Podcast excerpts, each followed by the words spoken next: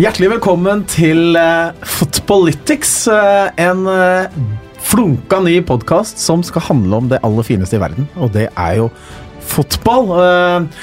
og Hans Erik Eriksen som sitter her sammen med meg, hva er det vi skal drive med? Ja, Det er et godt spørsmål. Jeg tror ikke vi veit det helt selv enda. Men grunnen til at jeg sitter her, er at jeg har lyst til å lære. Jeg har lyst til å lære enda mer om, uh, om spillet. Jeg har lyst til å lære av de gjestene vi, uh, vi kommer til å ha her. Og sitte igjen etter uh, vi har fått prata godt ut sammen, som en litt mer reflektert mann, en enda klokere fotballfyr. Det, det er først og fremst min tanke her, altså. Ja, for eh, fotball er jo så mangt. Eh, man har taktikk, man har tilfeldigheter, man har eh, enkeltspillere, man har ferdigheter. Altså Det er så mye å ta tak i, og det jeg egentlig ønsker å få litt ut av dette, det er at vi skal være litt, litt sånn faktabasert, litt sånn tallbaserte tider. Hva er egentlig hvorfor spiller Spania som de gjør? Hvorfor spiller Norge som, som, vi gjør? I den grad man kan kalle Norge vi, men det gjør vi jo, ikke sant? Ja, det gjør vi. Hvorfor spiller Juventus som de gjør mot Atletico Madrid. Hvorfor spiller eh, Manchester United som de gjør under Ole Gunnar Solskjær? Liksom litt det derre uh, som går litt bak det som blir gjerne Eh, fokuset i TV-sendinger og andre steder hvor du har begrensa med tid. Eh, og her kan vi snakke ganske grundig om fotball. Ja, det er deilig. Og jeg, jeg, er også veldig opptatt av det du sier der. At vi klarer å, eller prøver i hvert fall, å, å bevege oss vekk fra å synse for mye, men å gå dypere inn i nyansene. Og prøve å forstå, helt enkelt, eh, litt mer hvorfor ting er som det er. Og i dag så skal vi jo starte med Jeg føler vi starter med et brak. altså Vi skal i gang med en EM-kvalifisering for eh, Norge nå. Eh, denne, dette Nations League det har jo vært, og Norge hadde et veldig godt år i 2018. Eh, nå skal EM-kvalifisering del to i gang. Og det starter jo med et brak for Norges del. Bortekamp mot Spania på Mestalla. Ja, det må kunne kalles å, være, å starte i skiflygingsbakken. Altså. Det, er, det er rett ut i V-still og, og, håpe at man lander med et uh, brukbart nedslag. uh, og når vi skal til Spania, så er det jo veldig veldig godt å se at på andre siden av bordet her, så har vi med oss en gjest som, uh, som jobber med dette til daglig, og som jeg vet ser all spansk fotball. Petter Wæland, velkommen hit. Tusen takk. Er du eh, klar for, eh, for, at Norge skal innta Mestalla med brask og bram og gi, gi fra seg liksom, den norske vikingkulturen, eller blir det, blir det rundhjuling?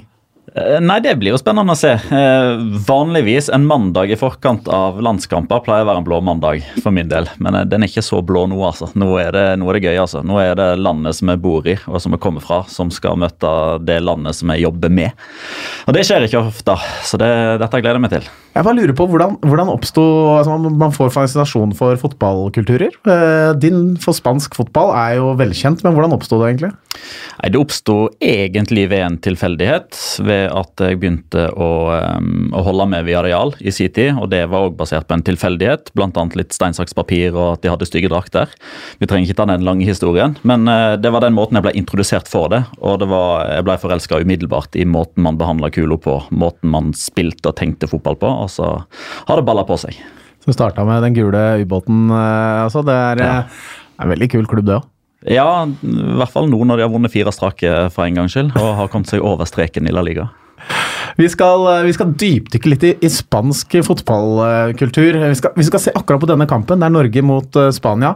Ikke veldig mange ganger eh, de har møttes opp gjennom årene. Det er seks møter tidligere. Norge har da vunnet kun én av disse. Det husker vi jo, det var jo EM 2000. Det var Steffen Iversen på dette fantastiske utspillet fra Grodås antagelig, som sto i mål. Ja, jeg tror det var Thomas Myhre. Det var, Thomas Myhre som sto. Opp der, stange kula inn på, på direkten. Drillo-fotball på sitt ypperste. Eh, kanskje motsatsen til det spanske laget vi, vi ser per dags dato. Men hva er egentlig spansk fotball, Hans Erik? I hvert fall motsatsen, eh, som du er inne på der, eh, kontra det vi, det vi, som vi ser Spania i dag. Men hvis vi går lenger tilbake i tid, så, så, var Spania også kjent for den fysiske kraften i spillet sitt, som, som kanskje vi er mer kjent for i dag.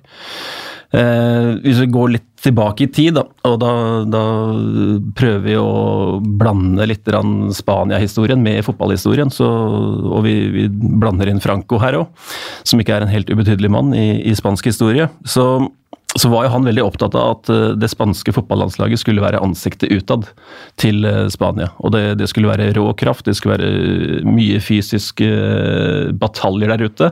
For han hadde lyst til å vise verden at Spania var et hardtkjempende land som, som ikke ga seg uten sverdslag i enhver duell. og det, det var en kraftkrevende, kraftkrevende, fotball. Og det så ja, det, blei ble slag ute på banen. Og det likte Franco. Og det, og det, er jo kanskje litt motsatsen til det måtte, romantiserte det, tankene vi har om spansk fotball nå, som er teknisk, som er sexy, om det, i den grad man kan uh, kalle, noe, kalle, fotball det. Ja, altså det er jo, det er jo to uh, kall det sånne slagord eller kallenavn som har blitt brukt om den spanske fotballen. altså Fra La Furia Roja i begynnelsen, altså som stammer fra når de tok OL-sølv i 1920 fordi de var så tøffe, aggressive, direkte, uh, til Tiki Taka, som er det som er kjent nå i den moderne fotballen. og Det forteller jo litt om, om motpolen. Eh, at de har, de har, vært i begge ender av skalaen eh, og hatt eh, for så vidt suksess i, i begge. og håper Fra 1920 og fram til ja, midten av 2000-tallet, når man begynte å, å vokse fram denne tikki-taka-kulturen, så har man vært med på, på mangt, først og fremst skuffelser.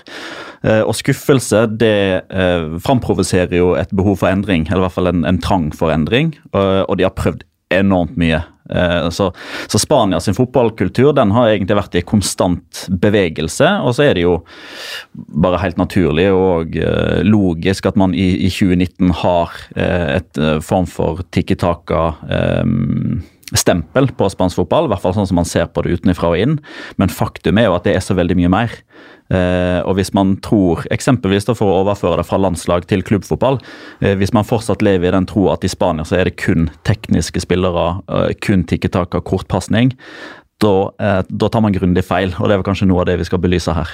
Ja, absolutt. Det er jo en fotballkultur som er sammensatt, og som har hatt eh, som kanskje alle andre også, men vært prega av personligheter. Du nevnte Franco nå, men opp igjennom så har det jo vært mange trenere som har på, eh, som påført sin spillestil.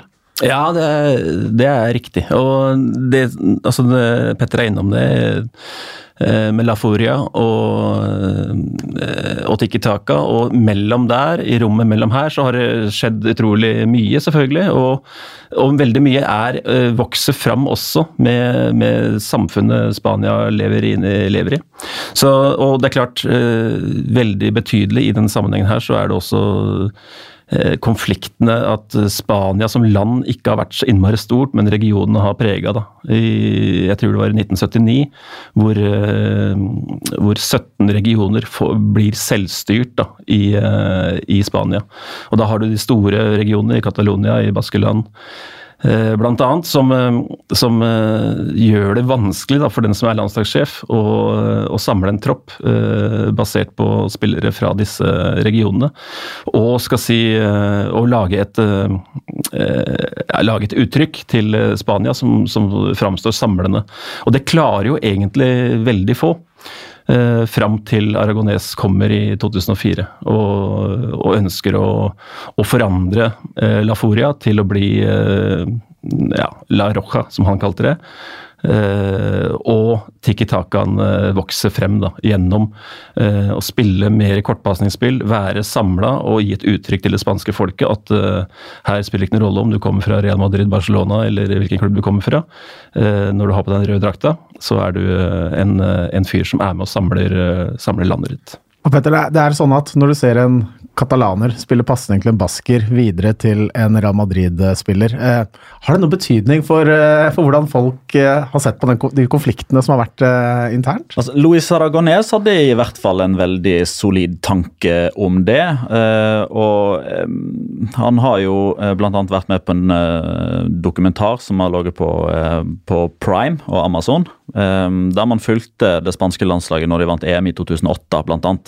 Uh, og noe av det som ikke kom med der, er faktisk noe av det som jeg har bitt meg mest merke i i form av symbolikk og metafor.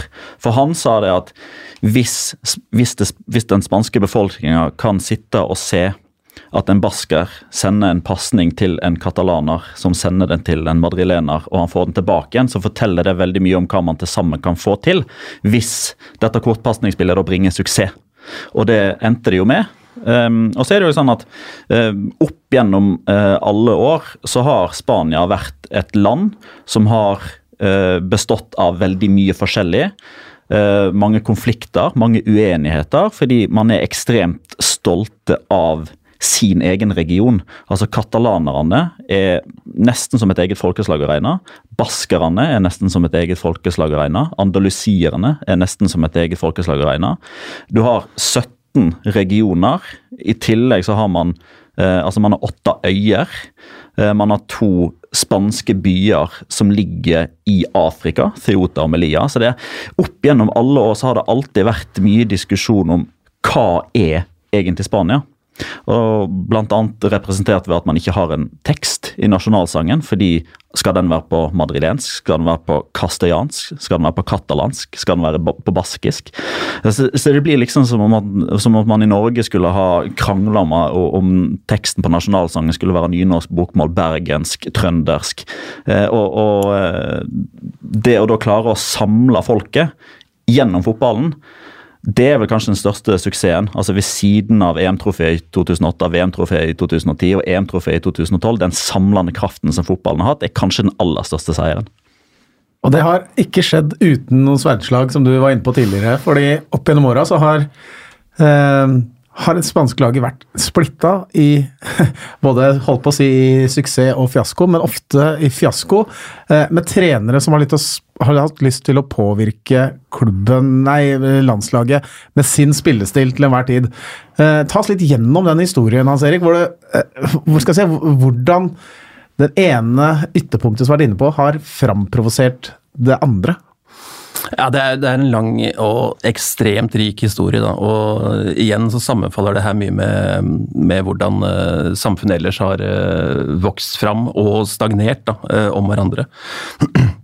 Jeg tenker eh, da eh, Nå har jo eh, trenerne i Spania gjennom alle år egentlig blitt bytta ut veldig ofte. Helt til denne østeuropeeren Kubala tok over på 70-tallet og var trener i elleve år. Eh, Kubala ble forresten kåra til eh, tidenes spiller i Barcelona i 1999. Det kan hende. Eh, forandrer seg nå hvis vi skriver litt tidlig tid litt senere. Eh, men, eh, men eh, han, eh, han, og mange flere gjennom 80-tallet, 90-tallet Jeg veit ikke hvor bevisste, ubevisste de var for å kunne skape ett lag av Spania. Clemente kommer i 92, en fyr fra Bilbao som, som var La Furia-inspirert. Ville ha den engelske-britiske spillestilen gjennom Bilbao-systemet inn, inn, i det spanske. Lykkes sånn ålreit med det, eh, for han hadde veldig klar, tydelig stil på hvordan han ville ha det. Men eh, resultatene var jo ikke all verden. Og Spania ble jo sett på som et lag som, eh, hvor summen av laget var mindre enn enkeltdelene. At spillerne var ganske bra, spilte i gode klubber. Laget Spania var ikke der oppe som blant de aller, aller beste. Og det førte jo til skuffelser og, og fiaskoer, for det er sjelden, sjelden gråtoner i spanske presse pressa og det spanske folk, det er svart eller hvit. Og, og det meste her var svart. Uh, igjen så kommer Aragones og er veldig bevisst på å endre ansiktet til Spania. Uh, fra å være det råe, brutale, det harde, til å bli uh, det som senere er kjent som Tiki Taka. Da. Og, og det er kanskje store, store forskjellen, at han finner et så sterkt hvorfor Hvorfor skal Spania samles, og hvorfor skal eh, Spania spille som Spania spiller? Eh, og det var tydelig at, eh, at satte spor i, i, det spanske folket. Fra La Furia til La Roja, Petter. Hva innebærer dette både ikke sånn, eh, rent spillestilsmessig? Så hvis du skal gå litt på hva slags fotball eh, Spania spilte da, under f.eks. Camacho når eh, Norge slo de i år 2000, til hvordan det var senere når, eh, når Aragones og hans etterfølgere har, eh, har fått gjennom sine ideer. For å ta Camacho konkret, eh, så er jo han eh, kjent for, for to ting. Det er Camacho-ringene eh, fra VM i 2002, var det vel? Det var fryktelig varmt der i Ja, det var det. Til hans forsvar så var det veldig varmt. Ja, han har jeg gikk hørt. alltid for lyseblå skjorte. lyseblå var Det er fin farge, altså, men ja. Eh, og den andre tingen var jo at altså han, han spilte jo for Real Madrid i store deler av sin karriere. Han var venstre back, eh, og han var en ehm, Altså, Han var ikke en Marcelo-variant på, eh, på 70-80-tallet, for å si det sånn. Han var mer eh, han som sto igjen og sørga for at den ballen den skulle langt unna eh, sitt eget mål. og Det, det ble på mange måter gjenspeila gjennom hele hans trenerkarriere. Eh, altså Hvis man skal sette opp en, en form for sånn skala på eh, på hvor José Antonio Camacho lå, eh, så er han så han nærmere Diego Simione Pep Guardiola, da, for å, for å sette det litt i kontekst nå. Og Det gjorde jo òg at eh, akkurat i den perioden rundt, eh, rundt 2000, eh, da begynte jo La Liga-lagene å gjøre det bra i Europa. eh, og med det så vokste forventningen til hvordan landslaget skulle gjøre det. Altså Valencia var i et par Champions League-finaler, Deportivo var i semifinalen i Champions League, Real Madrid og Barcelona var jo alltid der oppe. og på den Valeron ja, den Valeron-epoken, når, når Superdepor eh, var, eh, var i, i støtet. Eh, og da var det òg en veldig konkurranse innad i La Liga. Altså da, I motsetning til nå, der man vet hvem som blir topp tre mer eller mindre før sesongen starter, så var det nesten bingo. Altså Det var lotteri. En topp seks-variant. altså Barcelona, Valencia, Deportivo, Real Madrid, eh, Atletic var der oppe. Real Sociedad på begynnelsen av 2000-tallet. Det var en styrke, men det var òg en svakhet. Fordi man hadde ikke den klare stammen i laget. Det var veldig mye utskiftninger. Så basert på den spillestilen som Camacho fikk inn, som var vanskelig å skape begeistring med, eh, på, på en helt annen måte enn uh, Del Bosque og Aragones og Guardiola og andre store moderne trenere har klart, så, så klarte ikke Camacho å skape den entusiasmen som gjorde at folk kom på kamp. Uh, som gjorde at støtten ble så der, uh, og samtidig da en mangel av en sent- sentrallinje gjorde jo at både EM i 2002 og VM i to, EM i 2000 og VM 2002 ble store skuffelser, som igjen da fordra neste endring. Inyaki Science, som var trener under VM i 2004, eller EM i 2004, som heller ikke var bra. Bort med han, og inn kom Aragones. Men det er noe som skjer her òg, eh, i taktikkens verden. da. Altså, eh, Mourinho, Når Mourinho kommer, slår igjennom med Porto, så syns jeg i hvert fall personlig at taktikken får en mye større plass i fotballen. Og så eh, er det her litt unyansert sagt, men det taktiske har jo gjort store, store fremskritt på fotballbanen siste ja, 15-16-17 årene. Og Mourinho var på en måte en pioner i den greia der. Saez, som du snakker om, eh, kommer fra aldersbestemt fotball i, i Spania. og Gjennom denne perioden her så satte jo det spanske forbundet seg ned og mesla ut en litt eh, strategiplan og en, eh, hvordan strukturen på de spanske yngre landslagene skulle spille. Eh, men fikk ikke ordentlig rodfeste. Og det er jo der Aragones kommer inn og, og, ja, og samler nasjonen med Men det er klart, det vokser fram spillere her òg, i den perioden her, som er uh, ganske ok å både se på og sikkert også spille sammen med. Fordi De siste årene så har vi jo sett at uh, eller Fram til nå, kanskje. At vi har hatt de store klubbene siden du sa akkurat om begynnelsen av 2000-tallet, hvor det var landslagsspillerne var spredt fra seks-sju forskjellige klubber. Eh, så har i etterkant av det, når etter Aragones tok over og litt fram, så kommer denne stammen av spillere som var så dominerende fra Barcelona, fra Real Madrid. Du kunne se lag, eh, spanske laget som hadde eh, spillere omtrent fra to klubber. Og det gjør, gjør vel at eh, det spanske laget fikk satt seg bedre også.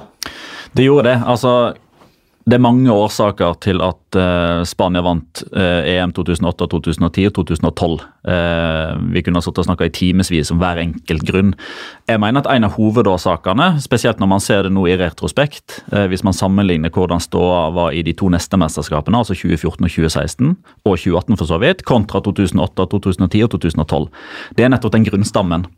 For som landslagssjef så, så har ikke du den daglige påvirkninga og innvirkninga på mentaliteten til fotballspillerne, hvordan de tenker fotball. Der er du på mange måter prisgitt den jobben klubbtrenerne gjør. Og jo, jeg, jeg har jo en, en soleklar teori. altså Hvis jeg kunne valgt, eh, hvis jeg skulle vært landslagssjef i en tenkt situasjon, så ville jeg hatt optimalt sett spillere fra så få klubber som mulig, fordi de blir påvirka i mindre grad. Altså Hvis, hvis man har en, en landslagstropp der det er 14 forskjellige klubber, så har man kanskje innad i de 14 klubbene ti forskjellige tallfesta kombinasjoner. Eh, du har kanskje tre forskjellige lag som spiller 4-4-2, men de spiller 4-4-2 på forskjellig måte. Man har forskjellige oppgaver fra klubblag til landslag. Så den prosessen med å, å skape mest mulig og utvikle mest mulig i løpet av den korte tida man har spillerne til disposisjon, den blir jo lettere hvis du har færre eh, inntrykk å jobbe med. Så når eh, Spesielt Del Bosque hadde jo således en mer takknemlig oppgave enn Aragones i 2008. For da var det Barcelona som var stammen. Ispedd Real Madrid, og så var det noen slengere her og der som hang seg på. Og Da var det veldig mye enklere å enes om den spillestilen, spesielt når man hadde den Barcelona-grunnstilen. fordi det er selvfølgelig store forskjeller òg, men det er mange likheter mellom storhetsperioden til Spania og storhetsperioden til Barcelona. Og, da, og det, bringer oss litt videre, for vi kan snakke veldig lenge om 2008, 10 og 12, hvor Iniesta og Savi og denne gjengen altså Vi har beundra dem, det er kanskje tidenes beste landslag. Eh, men nå kommer vi til 2019. Eh, det er vel tatt ut tre Barcelona-spillere og tre Real Madrid-spillere i troppen. Eh, hvordan hvordan liksom påvirker det eh, hvordan Spania spiller? De har fremdeles en trener som har vært trener for Barcelona, og som forfekter den spillestilen. Ja, det, det, er et veldig godt spørsmål. Det, det er et åpenbart generasjonsskifte i, eh, i, Spania nå. Og de har hatt skuffelser på de siste mesterskapene. Eh, og det røret de holdt på med i, i VM i fjor, med Lope de Gøy der, som, som, faktisk hadde 20 kamper da, for Spania og ingen tap, eh, før han Uh, seg på fly til Madrid uh, rett før første kampen der. Så kom Henrique nå. Uh, en noe kontroversiell type. og og har et veldig Barcelona-preg på seg. Eh, lykkes ikke spesielt godt i Roma. Eh, lykkes jo bra med de spillerne han hadde i Barcelona, eh, i stor grad. Han sa jo i et av sine første intervjuer etter han ble ansatt som spansk landslagssjef, at noe kryptisk kanskje, men jeg skal prøve meg på en tolkning etterpå. Spillerne trenger en annen til å fortelle historien på en annen måte. Det kommer en tid da meldingen, hvis det er en melding, blir tørket ut. Det blir utmattelse. Og historien må fortelles på nytt med en annen melding. Dette er en av de store sannhetene i fotball. Eh, du har sett på de lagene han har tatt ut, de troppene han har tatt ut til nå, og den troppen han har tatt ut nå til Norge og, og senere Malta. Eh, det er mange navn som, eh, som Petter Wæland kjenner veldig godt, men det er mange navn som mange andre enn Petter Wæland ikke kjenner så godt. Og så har de, Mange av dem har jo sin bakgrunn i yngre landslag, og, og det er spillere som er selvfølgelig på et veldig høyt nivå. Men de er ikke der hvor det Altså Spania per i dag er ikke Spania sånn som vi egentlig tenker når vi hører navnet laget Spania. Er du enig, Petter? Å oh ja, definitivt. Det, mm, det, ble jo betrakta som en revolusjon av spanske medier eh, da landslagstroppen kom. Eh, og Så korrigerte Luis Henrique det og sa at det er ikke en revolusjon, det er en evolusjon. Eh, der generasjonsskiftet som Hans Erik snakker om, er i ferd med å få virkelig, virkelig fotfeste. Og så ser man jo på, på troppen, og, og jeg må jo medgi at eh, jeg kjenner jo alle disse her inn og ut, fordi jeg ser de helg inn og helg ut. Men jeg tror Lars Lagerbäck og hans eh, stab, som har gjort research fra eh, gruppetrekninga eh, og fram til eh, forrige fredag Jeg tror eh, en, en, god del av det arbeidet de har gjort, kontroll alt og slett Da må man nesten, Om ikke begynne på nytt igjen. Så fordi, altså, På nytt igjen må man jo overhodet ikke begynne, fordi det er fortsatt noen grunnpilarer der. og, Fotballfilosofien i Spania har jo ikke endra seg, selv om de har fått ny trener og troppen er fersk. Ja, jeg skal bare skyte inn der, for Vi skal snakke litt om Norges sjanser og muligheter etterpå. Jeg snakka med Kenneth Wilsgaard, som er en av de som sitter i dette trenerteamet, eller analyseteamet til, til landslaget. De har jo eh, de, de, sitter jo nå i Spania eh, akkurat nå og forbereder denne, denne kampen. Så jeg kommer litt tilbake til hva slags inngang de har hatt til dette, og akkurat det du, du snakker om der.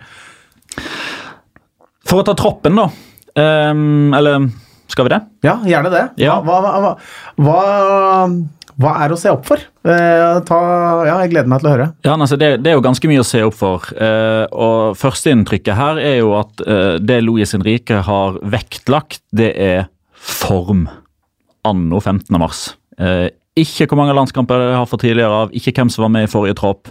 Eh, så det, det, er to ting han har tatt hensyn til. Det er form og skade. Eh, Pga. skader så er ikke Iago Aspas og Daniel Carvajal med. Det hadde de vært skadefritt. Så Det er, liksom, det er de to eh, framtvungne fraværende. Ellers så har han jo valgt 100% valgt utelukkende eh, ikke ta med Cesar Aspilicueta. Tiago er ikke med. Saul er ikke med. Kåke er ikke med. Isco er ikke med. Eh, Paco Alcázar, som har skåret 15 mål for Dortmund, er ikke med. Diego Costa er, er ikke med. Eh, så å si dette kan jo være en styrke, men det kan også være en svakhet, representert ved følgende. Hvis man ser på den elveren som ikke skal spille for Spania, altså sofaelveren til Spania, så kan man bli skremt, for å si det forsiktig, med tanke på ok, hva er det da som møter Norge. Det som er positivt, er at den troppen her er ny, og uansett hva for en elver han velger, så vil de aldri ha spilt sammen før. Eh, og igjen, Det er liksom begrensa hvor mye kan man gjøre fra man møtes på, på, mandag, altså i dag, og til kampen blir spilt lørdag kveld. Det er begrensa hvor mye stempel man kan sette på det, og hvor mye relasjoner man kan bygge.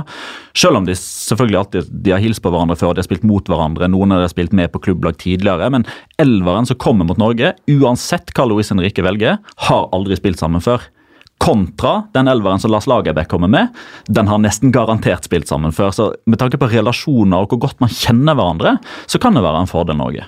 Men uh, er det ikke sånn at han tvinger fram et, uh, et generasjonsskifte som ikke nødvendigvis trengte å være så så brutalt, da, når disse spillerne som Petter nevner, ikke engang fikk være med. Som var de, den gjengen man hadde antatt skulle, skulle bringe Spania videre, da, som Isco og og Kåke og Saul og denne gjengen her. Jo, det kan du jo si, men jeg, jeg, jeg blir forbausa om ikke Henrik har tenkt den tanken sjøl òg.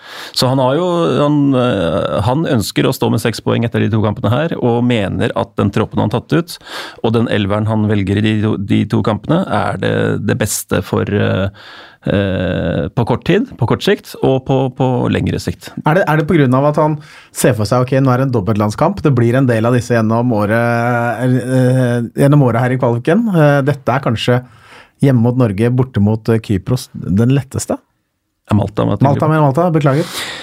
Ja, eh, sånn hvis du ser på tida framover, så er vel den dobbeltkampen her eh, i anførselstegn det enkleste programmet til Spania. Så eh, det kan nok være eh, noen risky kalkulasjoner han gjør her. Eh, men altså han og hans stab veit så utrolig godt styrkene og svakhetene i Norge. Og styrkene og kanskje enda flere svakheter hos Malta. Så eh, han gjør det her med, med, kalkulert risiko, det er jeg helt sikker på. Hva, hva, innebærer det at han har disse gutta med? Hva, sånn Det laget vi får se på Mestalla eh, på lørdag, hvordan Eh, hvordan kommer det til å se ut Eller er det søndag, forresten? Nå har jeg glemt farta. Lørdag. Lørdag, ja. det var det. Bare, jeg, skal skal faktisk, jeg skal faktisk nedover òg, så det skal jeg. Ja. jeg håper det er lørdag, iallfall, for jeg flyr tilbake en søndag. det er derfor jeg skal ikke fly tilbake før mandag, skjønner du, så jeg får en flott dag eh, i Valencia etterpå uansett. Nei, altså hva, hva, møter de? Altså, eh, Med tanke på hva, slags lag og kollektiv de møter, så der, der tror jeg ikke man får noen særlige overraskelser. Eh, Luis Henrique kommer til å fortsette å forfekte sin spillestil, og, og, og, Spania er lett gjenkjennelig, selv om hvis man går inn og ser på tall og mønster, så er det jo òg åpenbart ulikheter. Men um, man, man får jo et lag som i utgangspunktet er full av sjøltillit. Eh, litt tilbake til det jeg sa om at han har tatt med formspillerne. Eh, altså spillere som, som, er på sitt beste i karrieren akkurat nå. Altså En type som Jesus Navas. Eh, han var jo en, en, nøkkelspiller på dette spanske landslaget for åtte-ni år siden. Han ble verdensmester i 2010, og så han har vært ute i mange år men fått en ny vår som wingback og er tilbake i troppen. Eh, du har fire potensielle debutanter i Sergi Gomez, som har vært Sevilla sin beste forsvarsspiller denne sesongen. Sergio Canales, som man alltid har hatt en forventning til, men som aldri har tatt steget. Han er i ferd med å ta det nå. Endelig skadefri. Spille for et, eh, et lag, en klubb som vil ha ballen i beina, der han har fått en sentral rolle. Fabian Ruiz, riktignok litt inn og ut av laget i Napoli, så han er kanskje den største overraskelsen. Og Heime Mata. Eh, det er jo en historie i seg sjøl. Altså, han debuterte i La Liga som 30-åring. Han spiller for fuckings Retafe som er nummer fire i La Liga, som er den store overraskelsen. Han har skåra 13 mål og har seks målgivende pasninger. Så det, og her, det syns jeg òg er litt fint, egentlig. For når, man har sett på den spanske landslagstroppen litt tidligere, så, så, føler man at den har vært litt satt. Det er enkelte som har klippekort, enkelte som er der på bakgrunn av klubbtilhørighet og tidligere prestasjoner. Eh, og så handler det òg litt om hva slags kampbilde Luis Henrique ser for seg at det blir mot Norge og Malta. Han ser for seg at de skal ha mye ball, de skal styre, de skal spille mot etablert. De skal forsøke å finne åpninger, framprovosere trekk mot trekk. Og Det å da ha med eksempelvis Saul og Kåke som på klubblag spiller en helt annen fotball. For der vil de gjerne at motstandere skal ha ball, så skal de løpe og tvinge fram brudd. Eh, kommer fra dårlige, dårlige, opplevelser med å ryke ut av Champions League mot Juventus på nesten ydmykende måte med tanke på hvordan utgangspunktet var. Så jeg tror veldig mye av, eh, av det Luis Henrique sitt tankesett handler om, er å, å, få inn spillere som er i form, som har hatt gode opplevelser, og som passer motstanderne de skal spille mot. Og jeg tror han snakker om eh, Eller hvis jeg tolke utsagnet hans da han tar over, så, så, er det litt det Petter er innom her, som, eh, som, han eh, kaller for utmattelse på de spillerne. altså Troppssammensetninga hans nå den er, en, den er, basert på at han er redd for utmattelse av både konsept og historiefortelling, og at det her er en ny gjeng som skal uh, lage ny historie. Siden sist, holdt jeg på å si, da, så har jo også, i tillegg til disse som er ikke valgt ut, så har jo Iniesta slutta på landslaget. Piquet har slutta på landslaget. Dette er jo eh, holdt på å si, meningsbærere, antageligvis, i troppen, som, som er veldig eh, er sterke i en sånn landslagstropp. Hvor viktig blir det liksom med de, de som etablerte allerede, da, Busquets eh, eh Sergio Ramos osv. Hvor, eh, hvor viktig blir det i en sånn relativt ung eh, spillertropp? Det er jo de som eh, representerer det solide og det stabile her, og så blir det nye spillere rundt om. Altså, Sentrallinja eh, er ganske lik. Du har De Gea i mål, du har Ramas i midtforsvaret, og du har Busquets sentralt på midten. Og så blir det eh, forplantninger ut på sidene som er litt mer nye. Men sentrallinja, den, den, lever fortsatt videre. Og for å igjen poengtere liksom hvor ny denne troppen her er, ja, altså Toppskåreren på landslaget i den 23-mannstroppen det er jo midtstopper Sergio Ramos med 17 mål. Så har du Alvaro Morata som har 13, som er spiss. Og så har du Jordi Alba som er venstreback, som har 8. Og, og, ellers så har du ingen som har skåra mer enn fire. Eh, så det er Og igjen, som du, som du påpekte i stad, altså Iniesta er borte, Silva er borte, Piquet er borte. Eh, Carvajal er ikke med pga. skade. Det er, Alonso la opp for et par år siden. Chavi er borte. Så veldig mange av de spillerne som eh, har vært mest kjent her i Norge på bakgrunn av eh, prestasjoner på landslaget, de er der jo ikke lenger. og Det forsterker kanskje den, eller det inntrykket vi sitter med her i Norge om at denne troppen her er ny, den er fersk, det er et generasjonsskifte. Jeg tror, jeg tror veldig mange kommer til å sitte på lørdag og, og tenke litt sånn Ja, er det dette som er Spania, altså? Jøss. Yes. Her ser vi muligheter. Ja, Det tror jeg. det, tror, det, tror jeg. I hvert fall på forhånd så vil antageligvis norske publikum tenke det. Oi, dette her er jo spillere vi knapt har Dette er ikke det Spania vi har hatt opplevd de siste 10-12 årene. Men sånn rent sånn fotballfaglig utpå der, da. Når Norge da løper ut på Mestalla på, eh, på lørdag, hva, hva slags lag er det de møter? Hvordan spiller Spania? Aller først, altså. Eh, spillerne er, eh, som vi har vært innom, ikke så kjente som eh, de vi har vært vant til å høre om når vi, når vi tenker Spania. Men en Alvaro Morata da, som kanskje spiller, kanskje ikke spiller. Sannsynligvis vil han gjøre det, fordi han har bra fysikk og, og, og kan måle, måle, seg mot nordmennene i, i, den delen av spillet, så ville vi vært ganske fornøyde i Norge om spissen vår hadde hett Alvaro Morata. Så det er, det er fortsatt brukbart nivå på dem. Um, hvis vi ser på tallene til, eh, til Spania under, eh, under Henrique, så, så, har de spilt seks kamper. De har vunnet fire, tapt eh, to. Tapt hjemme for England, tapt borte for Kroatia. Og eh, tallene er enda mer vulgære, sånn i forhold til uh, ballbesittelse og uh, ja, først og fremst ballbesittelse, enn de var under både Aragones og, og Del Bosque. Og, og så er, altså, I snitt på de seks kampene så har de en ballbesittelse på 67,6% Dvs. Si at de gir bort, eller låner bort ballen til motstanderen i 32,4 Lagerbäck eh, sa på pressekonferansen at han ønska minimum 40% ball på Mestalla. Det syns jeg er Er det realistisk? Nei, jeg, og jeg veit ikke om det er så viktig.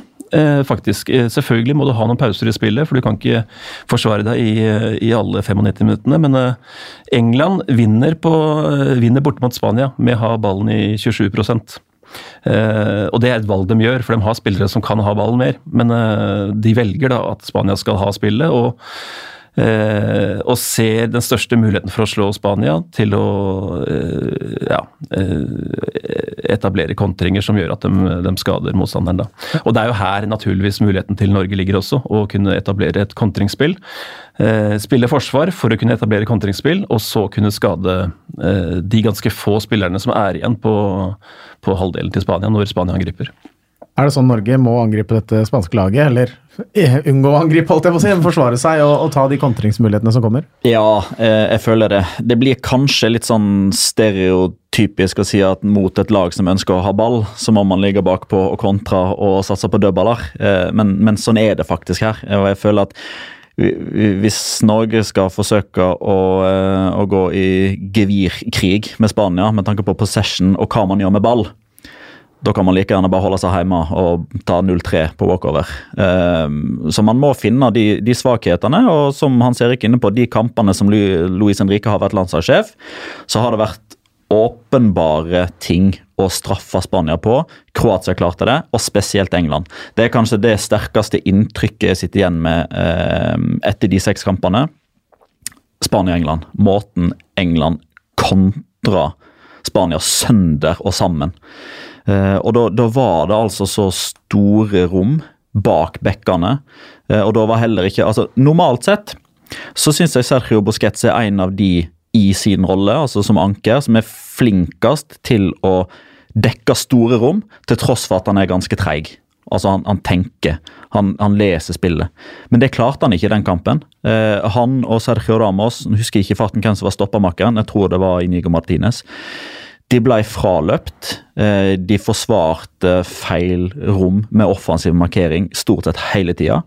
Eh, men England har jo noen spillere med i utgangspunktet et høyere nivå, eh, både taktisk og teknisk og mentalt, enn hva Norge har. Så det er jo ikke bare, det, det er liksom ikke bare å, å tipse Lagerbäck om å se Norge-England og bare si sånn, gjør som England.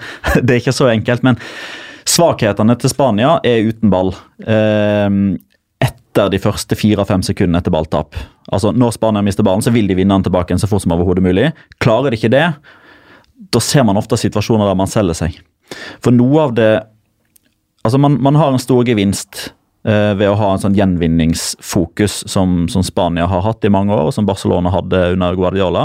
Altså, Gevinsten der er jo at hvis du får brudd på brudd, så får du kontra på en motstander i ubalanse som kanskje er på vei framover.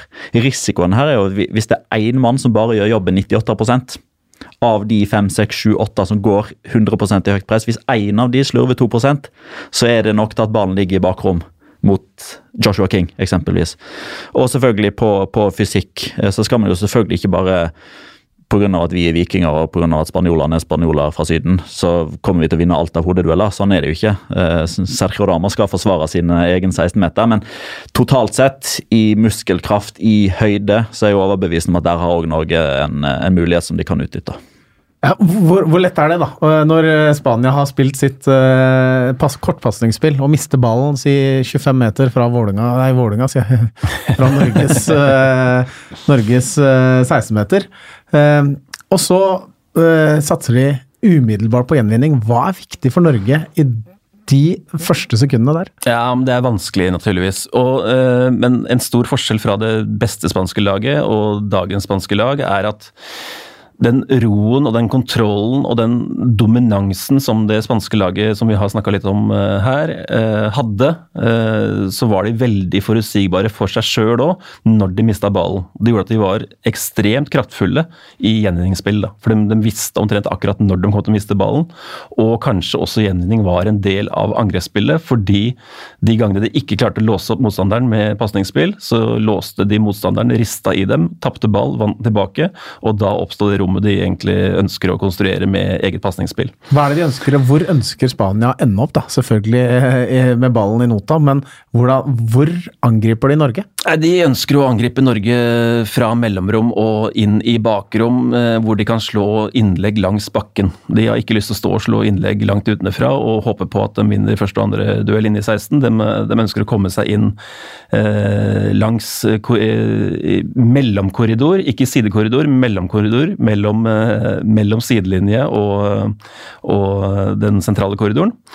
Eh, å komme seg dit via indreløper, så kan gjerne en eh, bekk komme ned mot dørlinja og, og slå flate innlegg derfra. Og da er gjenvinninga massiv, selvfølgelig. Men kontrollen til det spillet her er ikke like bra nå i Spania som den var i de beste utgavene. Og, her, og da er også dem litt mer uorganiserte når de tapper ball, enn hva det, det beste spanske laget var. Her ligger muligheten, og som Petter er innom, i forhold til England-kampen så er det klart England hadde, har flere enn én kontringsspiller som kan skape skade for, eh, for, Spania. og Spørsmålet er om vi har nok kontringsspillere i Norge til å kunne få eh, ja, et nok antall eh, overganger som gjør at vi kan faktisk produsere eh, dødballer, eller, eller enda bedre monn, eh, mål. Ja, Det er noe av det jeg er mest spent på, med tanke på hvilken elver Lagerbäck til slutt velger. Altså, hva, hva, vektlegger han med tanke på spillertyper? Eh, tenker han si, 95% på defensive egenskaper. Hvem er flinke til å løpe mye? Hvem står løpet ut? Hvem går i duellene? Hvem dekker rom? Hvem følger man? Eh, hvordan er relasjonen mellom eh, stopper og back? Stopperne eh, mellom stopper og anker? Eh, kontra nettopp det du er inne på der, da. Å ha nok kraft, eller eh, nok fart. Nok eh, gode nok egenskaper med ball til at når man har gjort den gode forsvarsjobben og vinner ballen, og faktisk å klare å gjøre noe med den. For som regel så vil Norge være spilt såpass lavt, såpass nærme eget mål, at når de vinner den, så er det 70-75-80 meter opp til målet der David De Gea står. Og det er ikke bare bare å ta ekspressruta med å dunke ballen på en klarering opp eh, på Joshua King, for der, der handler det om timing og tilfeldigheter. Hvor er Joshua King i det øyeblikket Norge vinner ballen? Man må som regel ha Altså, Det ideelle her er å vinne ballen, spille ballen opp sentralt i ballen, legge igjen, og så kommer det løp. Har man, har man, nok spillere som klarer å oppfatte den situasjonen, og som er gode nok med og uten ball til faktisk å få det til? Dette er jo, dette jo clouet fram, altså, som Lagerbäck og Perry og alle i og rundt laget er nødt til å fokusere på fram til eh, lørdag kveld. Det er jo, Én ting er jo forsvarsspillet, selvfølgelig, som må sitte helstøpt. En annen ting er jo neste fase, fra forsvar til angrep der. Hvordan, eh, hvordan finner de nok kontringsfødsler til å kunne straffe Spania? Uh, og Det er ingen, ingen, enkel oppgave, men som sagt, uh, det ligger en mulighet her. Fordi Spania er ikke helt Spania. Uh, den roen, den kontrollen, den derre totaldominansen. Øya til Savi, øya til Niesta, de er ikke der lenger. Du veit litt mer hva som kommer. Du, Norge kjenner spillmodellen til Spania ut og inn. Flinke folk som jobber der. Og de veit omtrent hva som kommer. Og det som Uh, en av de store forskjellene fra de laget, det laget vi skal møte på lørdag, kontra de beste utgavene, er også at eh, de spillerne som evner å ta kontroll og dominere i alle kamper, de er ikke helt der nå. Det kan godt hende Spania kommer dit om et år og to og tre, men akkurat nå er de ikke der. Så du vil få mulighetene til å gjøre det. Og så er spørsmålet har vi kvalitetene til å, til å skade dem. Eh, du sa at England klarte å straffe eh, eh, Spania. akkurat der hvor det, det gjorde vondest hver eneste gang. Har Luis Henrique lært noe? Du ser, denne troppen som har tatt ut nå, har ingen naturlig høyreback. Det er kanskje Jesus Nava som kommer til å spille i den rollen. En veldig offensiv spiller. Det samme er Jordi Alba på Mm. motsatt. Kan vi tenke oss at Spania kommer med tre midtstoppere? Nei, Jeg utelukker ikke det. Eh, altså det. Det er flere motargumenter enn en argumenter for. Eh, først og fremst det at eh, tre bak på det spanske landslaget, det har meg bekjent aldri skjedd før. Det er i så fall før jeg begynte å, å følge med. Luis Henrique ha- han prøvde det bitte lite grann da han var trener i Celta Vigo. I enkelte kamper, i enkelte faser av andre kamper, så spilte han nå med tre bak i Barcelona, men det var mer uh, ut ifra kampbildet og behov og skadesituasjon. Ikke, et, ikke nødvendigvis et valg sett opp mot motstander uh, en, en vanlig seriekamp. Men det var min første tanke når jeg så troppen. Uh, I og med at Carvajal er ute, og han valgte å ikke ta med Aspilicueta, som også kunne vært et alternativ som ren uh, høyreback. Så jeg tenkte liksom Hva er planen her? Men det kan jo hende at man igjen, da, i faser av spillet vil ha tre mann bak. Rett og slett pga. at Jordi Alba er så offensiv som han er. Eh, om det er Navas eller Sergio Roberto som, som starter som høyreback, så vil man ha noenlunde samme dynamikk med at de, de, de bomber framover uansett, og holder ikke igjen eh, for fem flate øre. Da har man også den situasjonen at da står man igjen med Ramos, man står igjen med Inigo Martinez og Busquets. Som veldig ofte blir en del av en sånn treer, eh, spesielt i angrep, da han blir egentlig en, en, en tredje stopper i etablert angrepsspill for å få dytta ballen fra høyre til venstre og ha alternativer sett og kombinasjoner. Så jeg har vel egentlig gått mer vekk fra den trebackslinja fra start etter hvert som jeg har tenkt over det, men um, i løpet av faser av spillet så, så kommer man nok til å se eh, wingbacker med trykk på wing uh, og buskett som detter litt ned. Men med ball så spiller du jo tilnærma 2-5-3 eller 2-3-5. Og det er de gutta som, uh, som ligger igjen der, som du sier.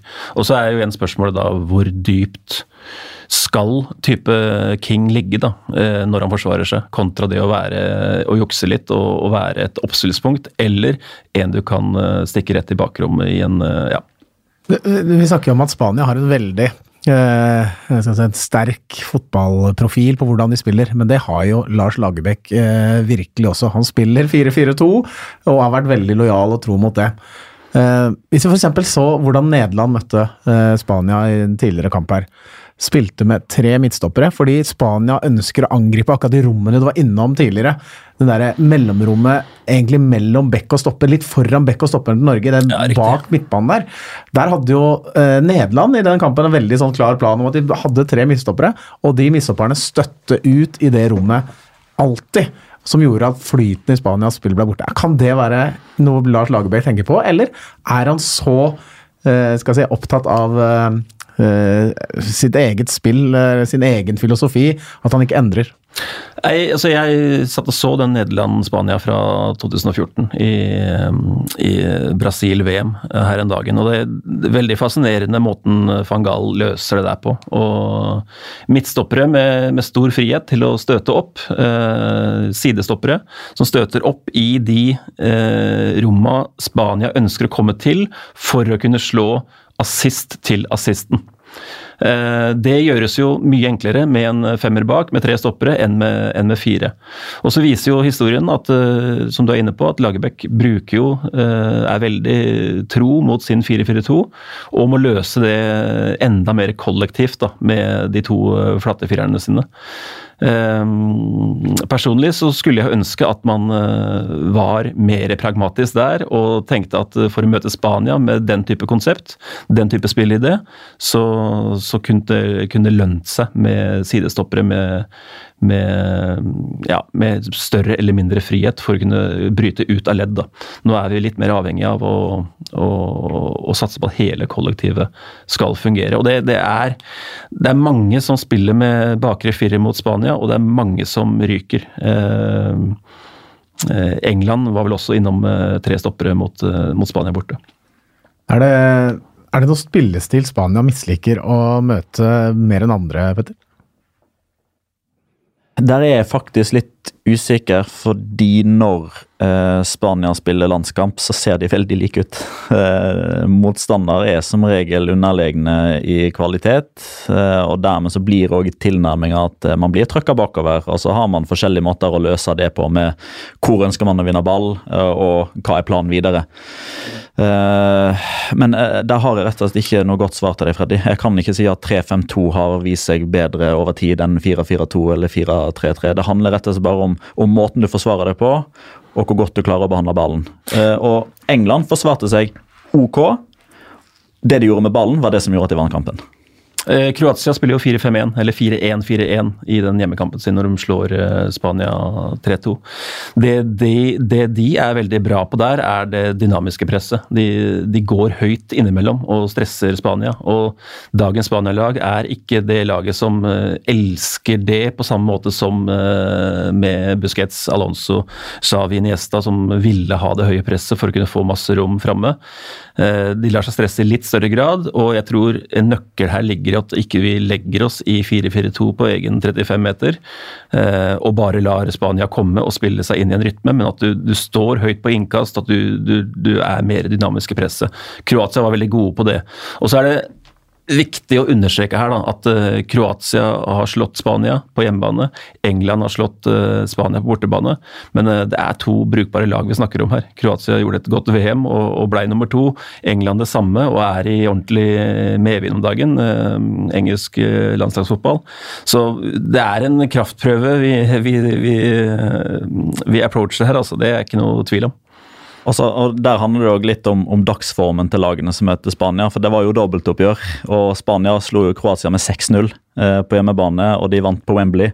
Så det handler òg eh, om altså Planen må selvfølgelig være der, men òg utførelsen av, av, planen er jo òg viktig. For jeg husker eh, den Kroatia-kampen. Den, den, satt jeg og så eh, i baksetet av en bil på autobahn i Tyskland, så analysebrillene var ikke på da. men det jeg mener å huske fra den kampen, var at de var grenseløst naive i presset.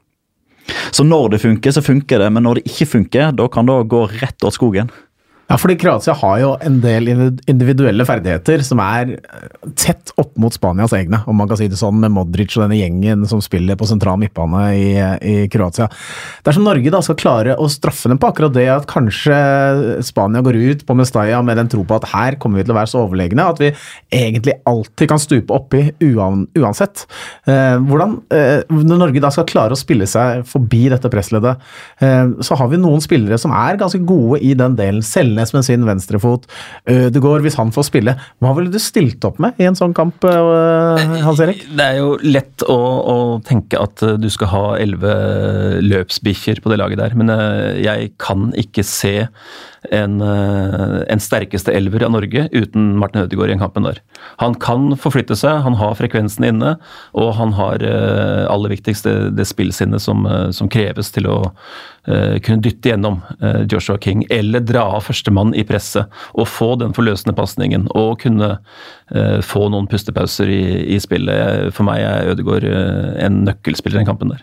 Jeg er helt enig, og, og, når man har sett kampene til Vitesse denne sesongen her, så har jo de òg vært Altså motstanderne til Vitesse har jo vært veldig veldig klar over og tydelig på i presspillet sitt at den som må stoppes, det er Martin Ødegaard. Så det Martin Ødegaard eventuelt kommer til å møte på lørdag, når han får ball, det er jo akkurat det samme som det han er vant til, med at motstanderne mm. ønsker å få han feilvendt. De ønsker å få han ut av kampen.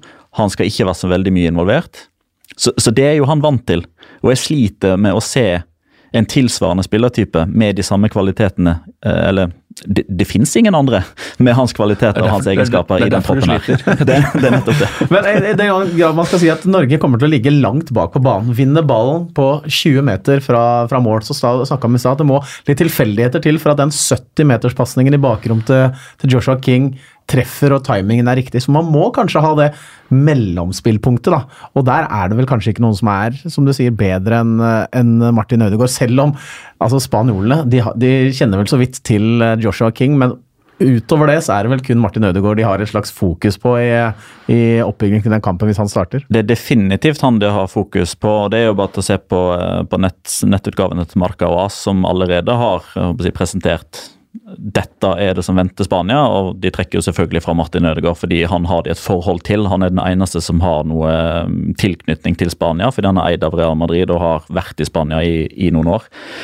Um, så nei, igjen tilbake igjen til uh, spørsmålet mitt uh, i stad. Uh, jeg er veldig spent på hva prioriteringene til Lagerbäck er. For at det, på den, på den, altså, den høyre midtbaneposisjonen i 4-4-2 eller 4-4-1-1 der er det eh, mange muligheter. altså Du kan ha Stefan Johansen, som ofte har hatt den, som et slags defensivt alibi som trekker inn med kapteinspinnet, som løper mye, som har sine kvaliteter. Du har muligheten for å ha Martin Linnes der, for å doble på høyresida mot Jordi Alba. Og du har Martin Ødegaard som et alternativ. Men den spilleren som Lagerbäck velger av de tre, tror jeg forteller veldig mye om hva slags tilnærming han har til kampen. Er det aktuelt faktisk å ha to høyrebacker på, på banen på høyresida for, for rett og slett å minske skadene Jordi Alba kan Ja, det er det helt sikkert. Men det er, det er to forskjellige tilnærminger som du er inne på, Petter. og Eh, I mitt hue, hvis du bruker Ødegård, så, så, sparer du laget for x antall meter å løpe. Så du, du får en litt annen tilnærming til, eh, til kampbildet. da. Eh, du vil fortsatt ha underlegg med ball, men du kan få noen pauser som gjør at du stiller også noen spørsmål til, til Spania i kontringsspillet.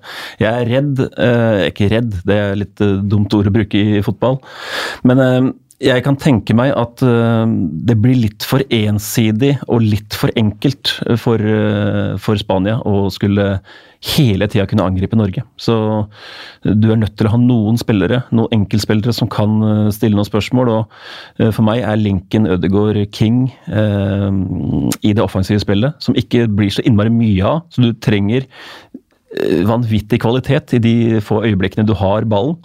Eh, og den, eh, den lille magien der er det de to, de, de to, og den relasjonen der som kan skape. Jeg ser for meg forsida av VG allerede i søndag. Hvis, hvis Norge gjør det umulige. Ødegaard slår gjennom King, King skårer 0-1. Kong Ødegaard. ja, ikke sant? Det er der, Der fikk de den. Den var, den var fin. Jeg sender, jeg sender honorar uh, dersom de bruker den.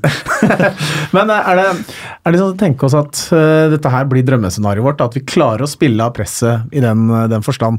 Men så har vi skal si, noen spørsmål rundt et norsk landslag også. For si, Berge er ikke med i det troppen denne gang pga. skade. Kristoffer Ayer ble skada nå. Han vet ja. jo ikke om han er klar. Han ville vel antageligvis starta som midtstopper.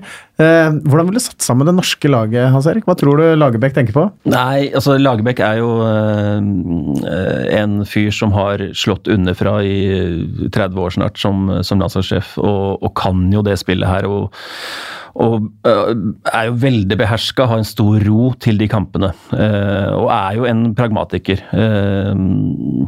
Hvordan han setter opp spiller for spiller, har han sikkert en ordentlig grundig baktanke for. og Eh, den klarer han å formidle til spillerne. Akkurat hvem som spiller eh, i hvilke posisjoner, det, det har nok eh, i høy grad opp mot 90, 90 klart for seg. Og så vil litt sånn spillernes dagsform og, og helsesituasjon være med å avgjøre helt inn der. Men det jeg er mest spent på, er den tilnærminga vi egentlig har snakka om.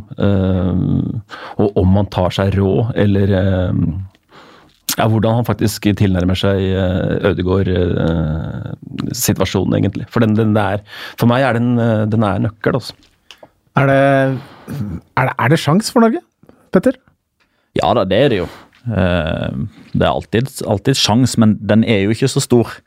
Den er jo ikke det. Og vi har jo brukt mesteparten av tida nå på å snakke om Norges muligheter skulle vi ha hatt jeg håper si, omvendt fokus med, med, hva som er Spanias muligheter, så hadde vi jo snakka mye lenger. Altså, det er jo helt åpenbart at For hvert alternativ og for hvert scenario der man ser for seg at Norge kan gjøre det bra, så er det relativt mange flere andre veien. Det, det vil være en enorm prestasjon og en enorm overraskelse dersom Norge klarer å få med seg noe. Rett og slett pga. at de møter et så sabla godt landslag. Generasjonsskifte eller ei. altså det, Du har så mange i poolen der at nærmest uansett hvem du velger. Uh, altså Den, den elveren som ikke skal spille for Spania, i den kampen der hadde jo vært eh, bortimot mesterskapskvartfinalekandidat i, i, VM. Det forteller litt om, uh, om, nivået på generelt grunnlag. Så. Men ja, det er absolutt mulig. Med en god kampplan, en god gjennomførelse, eh, løpet til man spyr, fordelt med litt flaks og tilfeldigheter, og at Spania har en dårlig dag. Det er mulig, men det er ikke sannsynlig overhodet. Hva er det Luis Henrique advarer spillerne sine mot, tror du, i garderoben før match? Han kommer nok til å være veldig opptatt av å unngå balltap for å ikke bli kontra imot. Uh, han kommer til å være veldig obs på uh, han, kommer nok til å gi beskjed, uh, ikke at det er nødvendig, men Sergio Ramos kommer nok til å få beskjed om å ligge, ligge tett på King. Gi han noe, Tråkke han litt på ankelen på hælene og plage han, prøve å sette han ut, fordi han representerer en, en trussel i bakrom. Eh, hvis Ødegaard spiller, så regner jeg med at han kommer til å gi beskjed eh, på samme måte til, til Jordi Alba og til den som blir valgt som venstre kant, som at uh, ligg tett på han, ikke gi han tid med ballen. Eller så er det nok den, den litt sånn stereotypiske, typiske fysikken. Uh, trøkk til. men ellers så tror jeg, jeg tror egentlig Louis Henrique forteller mest om hva hva de skal gjøre for å være gode sjøl, ikke nødvendigvis demmer seg veldig mye opp for Norge. For hvis, for hvis Spania går på eh, banen og gjør jobben ut ifra planen de legger, uten å ta hensyn til motstander, så er det mer enn nok. Altså det, vi, må, vi, må, nesten bare være så ærlige og innrømme det. Hva sier Lagerbäcka, Hans Erik? Hva, hva, tror du står på tavla som hans formaninger til det norske laget? Nei, Først så tenker jeg som Petter sier at spillmodellen til Spania eh, får tilgang til det de ønsker gjennom å møte Norge. Um, og, og Lagerbäck og alle rundt det laget der veit uh, hvor vanskelig den oppgaven her er. Uh, Lagerbäcks historie mot stormakter er ikke sånn kjempeimponerende. De slo England med Island, og de, har, de, hadde, de slo Nederland to ganger med Island i, i kvaliken til det EM-et. Det var riktignok et Holland-Nederland-lag som ikke er, var på sitt beste på den tida der. Um, men jeg det er jo bygget opp en tro da, i det norske laget og i, i det norske folket at uh, ting er mulig igjen. Og alle vi kjenner jo litt på Drillo-vibbene som, som farer gjennom uh, når, når, Norge spiller landskamp nå. Uh, så vi har vært borti mirakler før, og det er jo litt det vi er Eh, avhengig av nå å oppleve. At, eh, at Jarstein stenger sjappa helt bakerst. Eh, god hjelp av midtstoppere og en, en gjeng som, som kaster seg i det som er av dueller og konflikter på banen. Ehm, men for meg så handler det om å ha en klar strategi i hvilket rom du ønsker å, å lukke for, for, Spania. Det er en, en heldagsjobb i seg sjøl, og så må du klare å finne en eh, eller to måter å kunne eh, prioritere kontringsrom i. Da. Og det det jeg tror England var eh, fantastisk gode på det. Var ikke så opptatt av øh, om eller når de hadde ballen. Eller ikke, de, hadde, de, var opptatt av når de hadde ballen, men ikke om de hadde ballen, men hvor de skulle bruke den når de vant den. Og da hadde de spillere som sprinta inn i prioriterte rom, og de hadde en ball, ballbane som, som skulle opp tilbake igjennom, eller den, eh, den type som Det her eh, det er her det ligger for, eh, for Lagerbäck og hans menn. Og så handler det om å så inn den troen til laget, at uh, dette er mulig. Og så er det viktig da, uh, at kampbildet får seg en ganske rolig start på Mestalla. fordi uh, en gang har Lagerbäck møtt, møtt, en stormakt som norsk sjef, og det skjedde i Tyskland. Og det var ikke noen hyggelig affære for veldig mange med norsk pass. Og da er det selvfølgelig viktig at ikke den opplevelsen blir på en måte gjenskapt, og, og spillerne kjenner at uh, dette her blir uh, et tungt skift.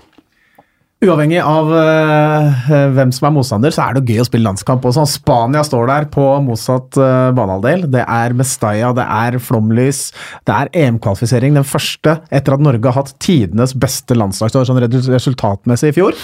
Så er det lov å ha litt optimisme, er det ikke det, Petter? Ja, ja, absolutt. Jeg tenker at eh, Spillerne må jo bare gå utpå der og, og, nyte og være klar over at de har ingenting å tape.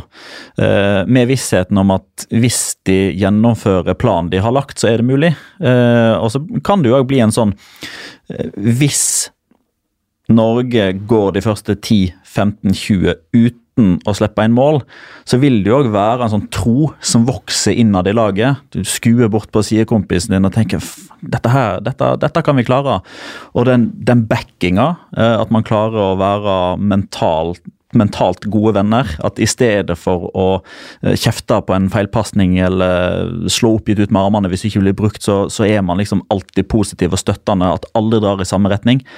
Det, det, det er jo en fin posisjon å være i således. Og, det er klart vi vi er jo ikke en større fotballnasjon enn at de aller fleste som, eh, som løper utpå der med norsk drakt, ser jo disse her på TV hver helg og syns det er stas å følge med på dem. Så det er klart at når du da får målt krefter, så nei, bruk anledningen for det det er verdt. Jeg gleder meg veldig. Jeg skal ned til, eh, til, Valencia. Det skal du også, Petter. Det blir fantastisk å, å, se det live der nede. Du får kose deg med på TV, Hans Erik. Ja, men det tror jeg skal klare å, å gjøre også. vi er da fotballpodkasten Footpolitics. Eh, altså, vi prøver å ha en tilnærming til, til denne sporten som vi elsker så mye. Ved at vi har lyst til å lære litt, gå litt mer i dybden, få fantastiske gjester som Petter har vært i dag, som har masse kunnskap. Men vi har lyst, så lyst til at nye stemmer skal få lov til å å ta plass. Så eh, har du hørt på dette her, så kom gjerne med tilbakemelding til oss om, eh, om eh, hva du tenker. Eh, hvordan tror du kampen eh, kommer til å fortone seg? Eh, hva bør Lagerbäck gjøre? Hva bør for så vidt Luis Henrique gjøre? Jeg er ikke sikker han får det med seg, men uansett så kan det jo, kan det jo være at vi lærer litt av dette. Vi er jo en liten redaksjon da i Footballytics som, som, gjør dette. Det er ikke bare meg og deg, Hans Erik, og våre strålende gjester, men Vidar Hansen, Ole Kristian Amundsen og Anders Stensås er også med på dette, og det er veldig gøy at vi, at vi har satt i gang. Vi gleder oss masse til å diskutere fotball uh, framover? For du har lært litt i dag, har du ikke det? Ja, jeg har lært masse i dag, og jeg gleder meg til uh, mer jeg skal lære. Uh, det er Utforskning er morsomt, og, og fotball er så svær at jeg håper jeg blir gammel, så jeg får komme i hvert fall halvveis i, ned i flaska. Tusen takk for at du var med oss, Petter. Masse innspill fra deg, som jo kan fotball, og spansk fotball ikke minst, ut og inn. Skal vi, skal vi, liksom driste oss et lite tips på slutten, eller? Før vi, før vi sier takk for i dag? Jeg syns det er så vanskelig, ass. Ehm, det kommer helt an på hvordan Det blir litt som han derre svensken, svenske hockeyspilleren som, eh, som sa da de skulle møte Sovjet på 80-tallet, at eh, de hadde ett mål for kampene, og det var å holde nullen i neste fem minuttene. Og, det er, altså, og klarer de det, så, så vokser det fram en tro, og så vokser det fram litt uro i Spania, og da er det mulig.